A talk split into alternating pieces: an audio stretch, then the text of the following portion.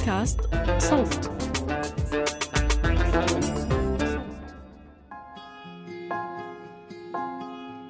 مرحبا. أنا جوانا. بقدم لكم هاي الحلقة من عيب لأحكي لكم عن تجربتي مع إشي بيعيشوه كتير ناس بس ما بنحكي عنه كفاية. ممكن لأنه بيعتبر عيب أو ممكن الناس بتخاف على مشاعرنا. بس اليوم بدي أحكي لكم ليش مش عيب نحكي عنه.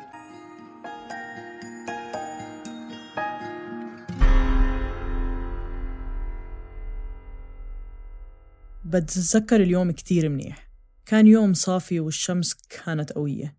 كان عمري تقريبا سبعة أو ثمانية راجعة من المدرسة بالباص وقاعدة مع صحباتي عم نضحك ومنغني زي زي أي يوم تاني.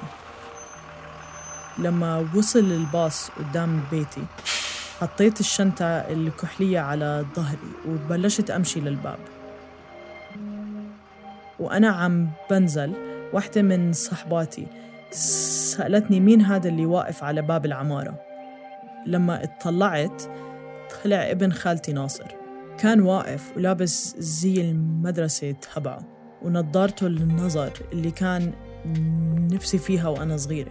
عشان مع الشمس كان لون العدسة بيقلب أصفر. ناصر زي أخوي الكبير أكبر مني بخمس سنين وكان دائما بيهتم فيي وهو اللي علمني أدافع عن حالي. علمني كيف أكون اجتماعية. وعلمني إنه قد ما كنت غير عن الناس باهتماماتي وهواياتي إني ما أخاف. المهم من الحماس لفيت على صاحبتي وحكيت لها. هاد ابن خالتي. حسيت إنه قلبي عم بدق أسرع وأسرع وأنا عم بحكي. بس قد ما كنت متحمسة ما فكرت بالموضوع ونزلت أعبط ابن خالتي ساعدني أشيل الشنطة الثقيلة عن ظهري وحكالي تعالي نحكي بالفي بعيد عن الشمس فكرت إنه بده يعلمني إشي جديد أو. أو يعطيني إشي أو. أو يحكي لي إشي بضحك بس اللي صار هو إنه أخ... أخذني على الفي ونزل على على ركبه وطلع بعيوني وسألني ليش هيك حكيتي؟ ما كنت فاهمة شو كان قصده وحكيت له إنه بس كنت عم بشرح لصحباتي مين أنت. شفت عيونه من وراء النظارة الصفراء وحسيت فيهم قلق ونبهني إنه في إشي غلط بالحكي وإنه مش لازم أحكي هيك. ما كنت كتير مستوعبة تقول اللي حكى ولا إنه رح يأثر على حياتي بعدها.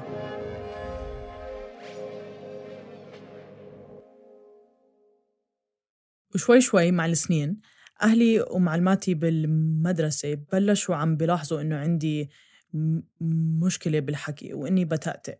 وكانت واضحة بالعربي أكثر من ما هي بالإنجليزي أو بالف أو بالف أو بالفرنسي زي هلأ مثلاً. كانت على أحرف معينة. مخارجها أصعب مثل العين أو الخاء. أصحابي بالمدرسة بلشوا عم بينتبهوا وصاروا يسألوني ليش بحكي هيك؟ وما كان عندي جواب. كنت أتضايق إنه معلماتي ما عمرهم كانوا بيخلوني أقرأ للصف. وإذا كنت أقرأ كانت توقفني لما لما كنت أتأتئ بحرف أو بكلمة. بتذكر موقف مع مع معلمتي العربي بالصف الخامس. زي دايما سألت مين بحب إنه يقرأ النص للصف. وأنا قبلها بكم يوم كنت قارئة النص لحالي بالبيت. وكنت واثقة من حالي إني رح أقدر أقرأ من دون ما أتأتئ رفعت إيدي وحكت لي أقرأ. أول فقرة ما كنت عم بتأتئ. بالفقرة الثانية كنت عم ببلش أتوتر لأني سمعت واحد من الأولاد عم بضحك. ممكن ما كان عم بضحك علي بس بلشت الأفك... الأفكار إنها تلعب براسي. وب... وبلشت أتأتئ. المعلمة صارت تأفف وقاطعتني وقالت وبعدين؟ وطبعا أنا مع الضغط إني مش لازم أتأتئ صرت أتأتئ بزيادة. والمعلمة قرفت وطلبت من حدا تاني إنه يكمل بطريقة ما حسيت إنه عبء وراح بس بنفس الوقت صرت أسأل حالي أنا ليش هيك؟ ليش ما بقدر أحكي زيي زي كل حدا تاني؟ ما كنت أحكي لحدا إني كنت أتضايق أو إني كنت أزعل بس من جوا كنت محبطة كتير ناس ودكاترة كانوا بيحكوا لأهلي إنها فترة بتروح وإنها بتصير عند الصغار بس بتروح مع الكبر لأنه الأكترية ببطلوا يتأتئوا ما بين عمر السبعة أو الثمانية. في نوعين من التأتأة النوع الوراثي والنوع السيكولوجي. في دراسات كتير بتقول إنه هو بس وراثي والمشاعر والضغوطات النفسية ما إلها دور. وفي دراسات تانية بتقول إنه هي مشكلة بالأعصاب وإنه مرتبط بالصحة النفسية. بحالتي أنا هي مش وراثية ولا بالأعصاب هي أكتر سيكولوجية ومرتبطة بمشاعري بالقلق والخوف بشكل أساسي. زي هلأ وأنا عم بسجل هاي الحلقة.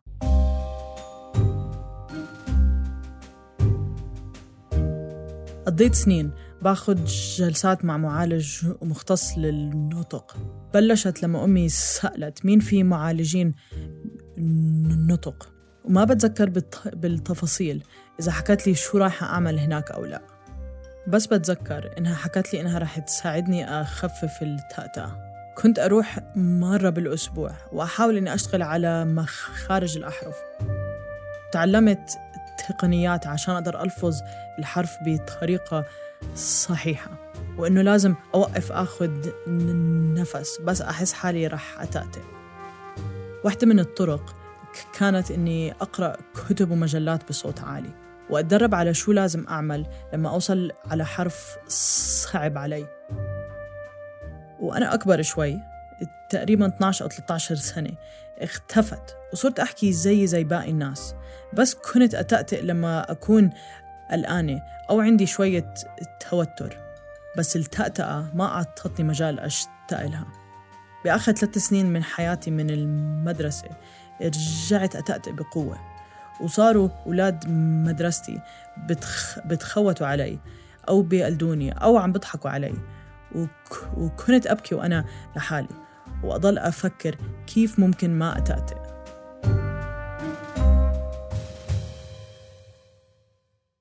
لما كانت أمي تقترح علي إني أرجع أخذ جلسات كنت رافضة الفكرة وضليت أحكي لها إني متوترة من المدرسة أو كنت أكذب عليها وأحكي لها إني مش دايما بتأتئ أو أحكي لها إني عم بتدرب لحالي وإني مو محتاجة لجلسات.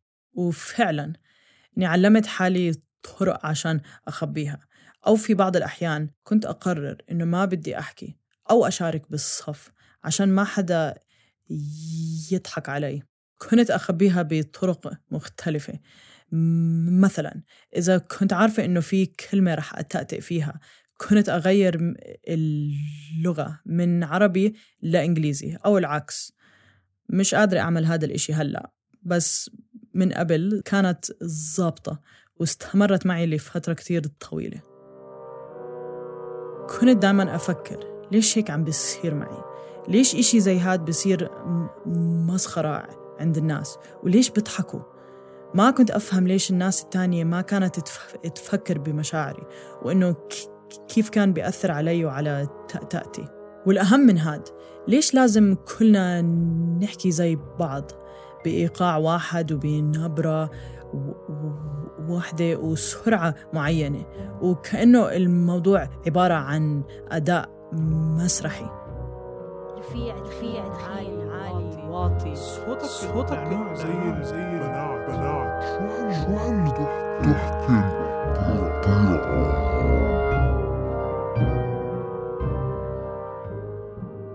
بس نقلت على بيروت ودخلت الجامعة أول سنة. اختفت التأتأة من دون أي سبب ونادرا ما كانت إنها ترجع لدرجة إنه إذا بتصدقوا بتذكر إني أخذت علامة كاملة بمادة الخطاب العامة اللي كانت كلها عبارة عن خطابات قدام الصف كامل. وكنت أنقي مواضيع وأوقف وأحكيها من دون ما أحضر وما كنت أتأتئ. ولما كنت أرجع على عمان كان كل حدا ملاحظ إني اتغيرت وصرت واثقة من حالي أكثر وإنه تأتئتي صارت أخف. ولما كنت فعلا أتأتئ كانت تصير بأوقات لما أكون متوترة زي لما أحكي على التليفون مع ناس ما ما بعرفها. أو عم بسجل حلقة مثل هاي لناس ما ما بعرفهم.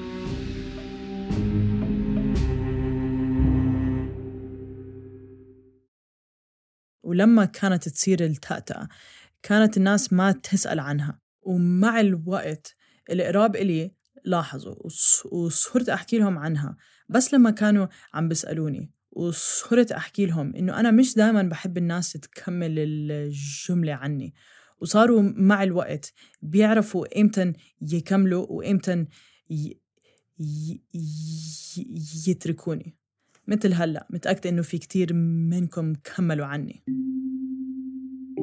القراب إلي اتقبلوني مثل ما أنا وكانوا بيتفهموا لما كنت أطلب منهم يطلبوا لي أكل من من محل على التليفون. عشان التليفون مع أي حدا ما بعرفه كان وما زال كابوس بالنسبة لي.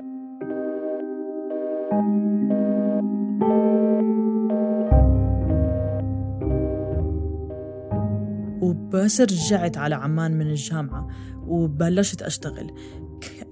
كانت التأتأة تروح وتيجي بحسب الموقف اللي أنا فيه وحسب الناس اللي أنا معها. بال 2018 كنت عم بمر بفترة شوي صعبة بحياتي. وبلشت إنها ترجع بقوة. وقررت بعد فترة إني أرجع أروح عند معالجة نطق. وساعدتني كتير وصرت أعمل تمارين كانت معطيتني إياهم. ومع ذلك ضلت التأتأة.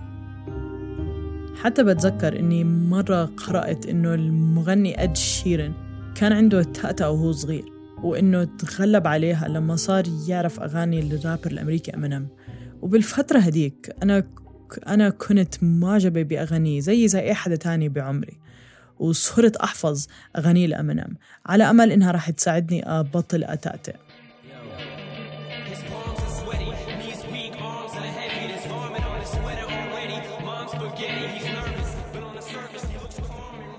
زبطت لفترة بس بعدها رجعت التأتأة وضلت تروح وتيجي لحد اليوم.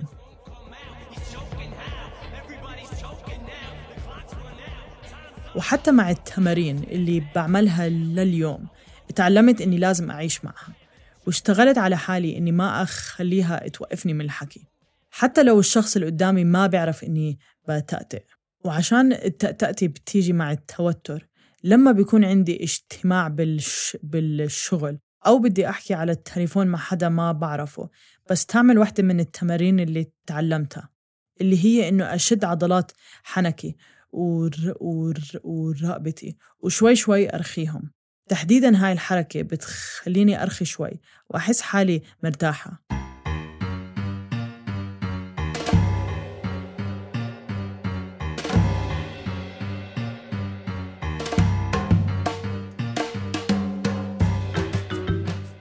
حتى في حياتي الشخصية أثرت التأتأة علي. حتى في موضوع إني أقدر أكون بعلاقة عاطفية. بس مش عشان بخاف الشخص ما يتقبلني أنا وتأتأتي. لا أبدا. بس عشان التأتأة بتعيقني شوي إني أنا أقدر أبادر إني أحكي مع حدا جديد. وأنا أصلا شخص مش بسهولة بيندمج بالحديث مع الناس الجديدة. مر علي ناس كثير كانوا بيضحكوا أو ب... أو بيقلدوني وكأنها مزحة. أكيد الشعور مش حلو بس مع الوقت بطلت أتضايق.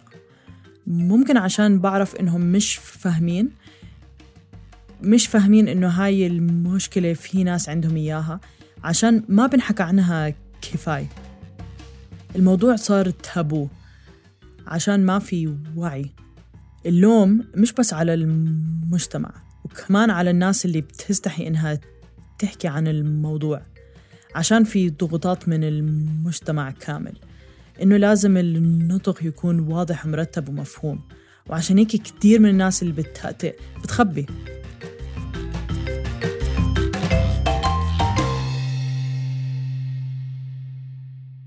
وصلت لقرار مع حالي إنه إنه لازم أتعايش مع التأتأة.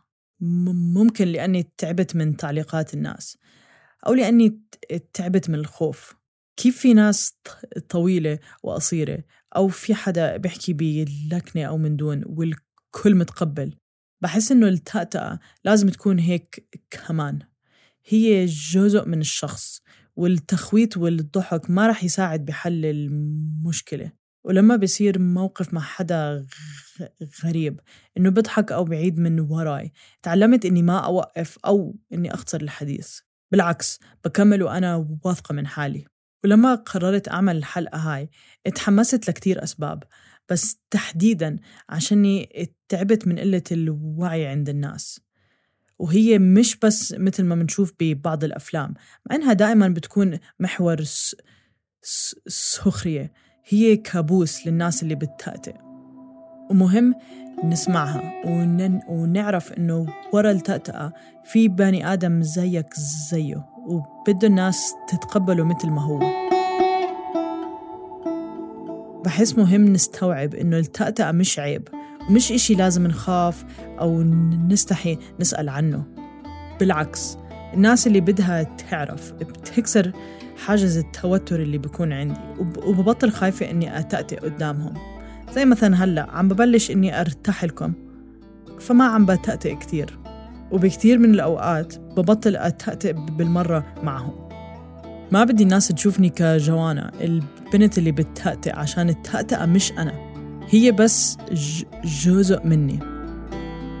أنا جوانا البنت اللي بتحب أصحابها وعائلتها والرياضة والموسيقى والقهوة والسفر والحياة. أنا مش تأتأتي ولا هي أنا.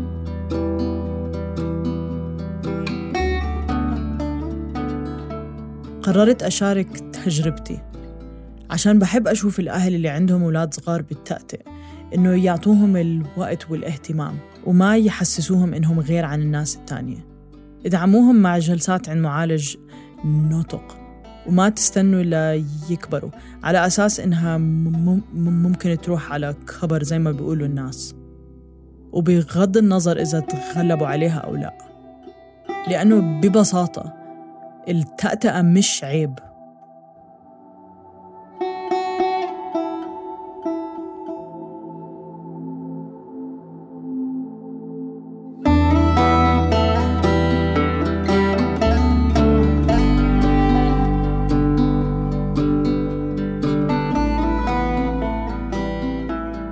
كنت معكم بهاي الحلقة من عيب من الإعداد والتقديم جوانا صوالحة ومن التحرير جنى قزاز وتالا حلاوة وتالا العيسى.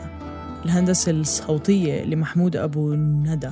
وشكرا لفريق النشر والترويج. بودكاست عيب من إنتاج صوت.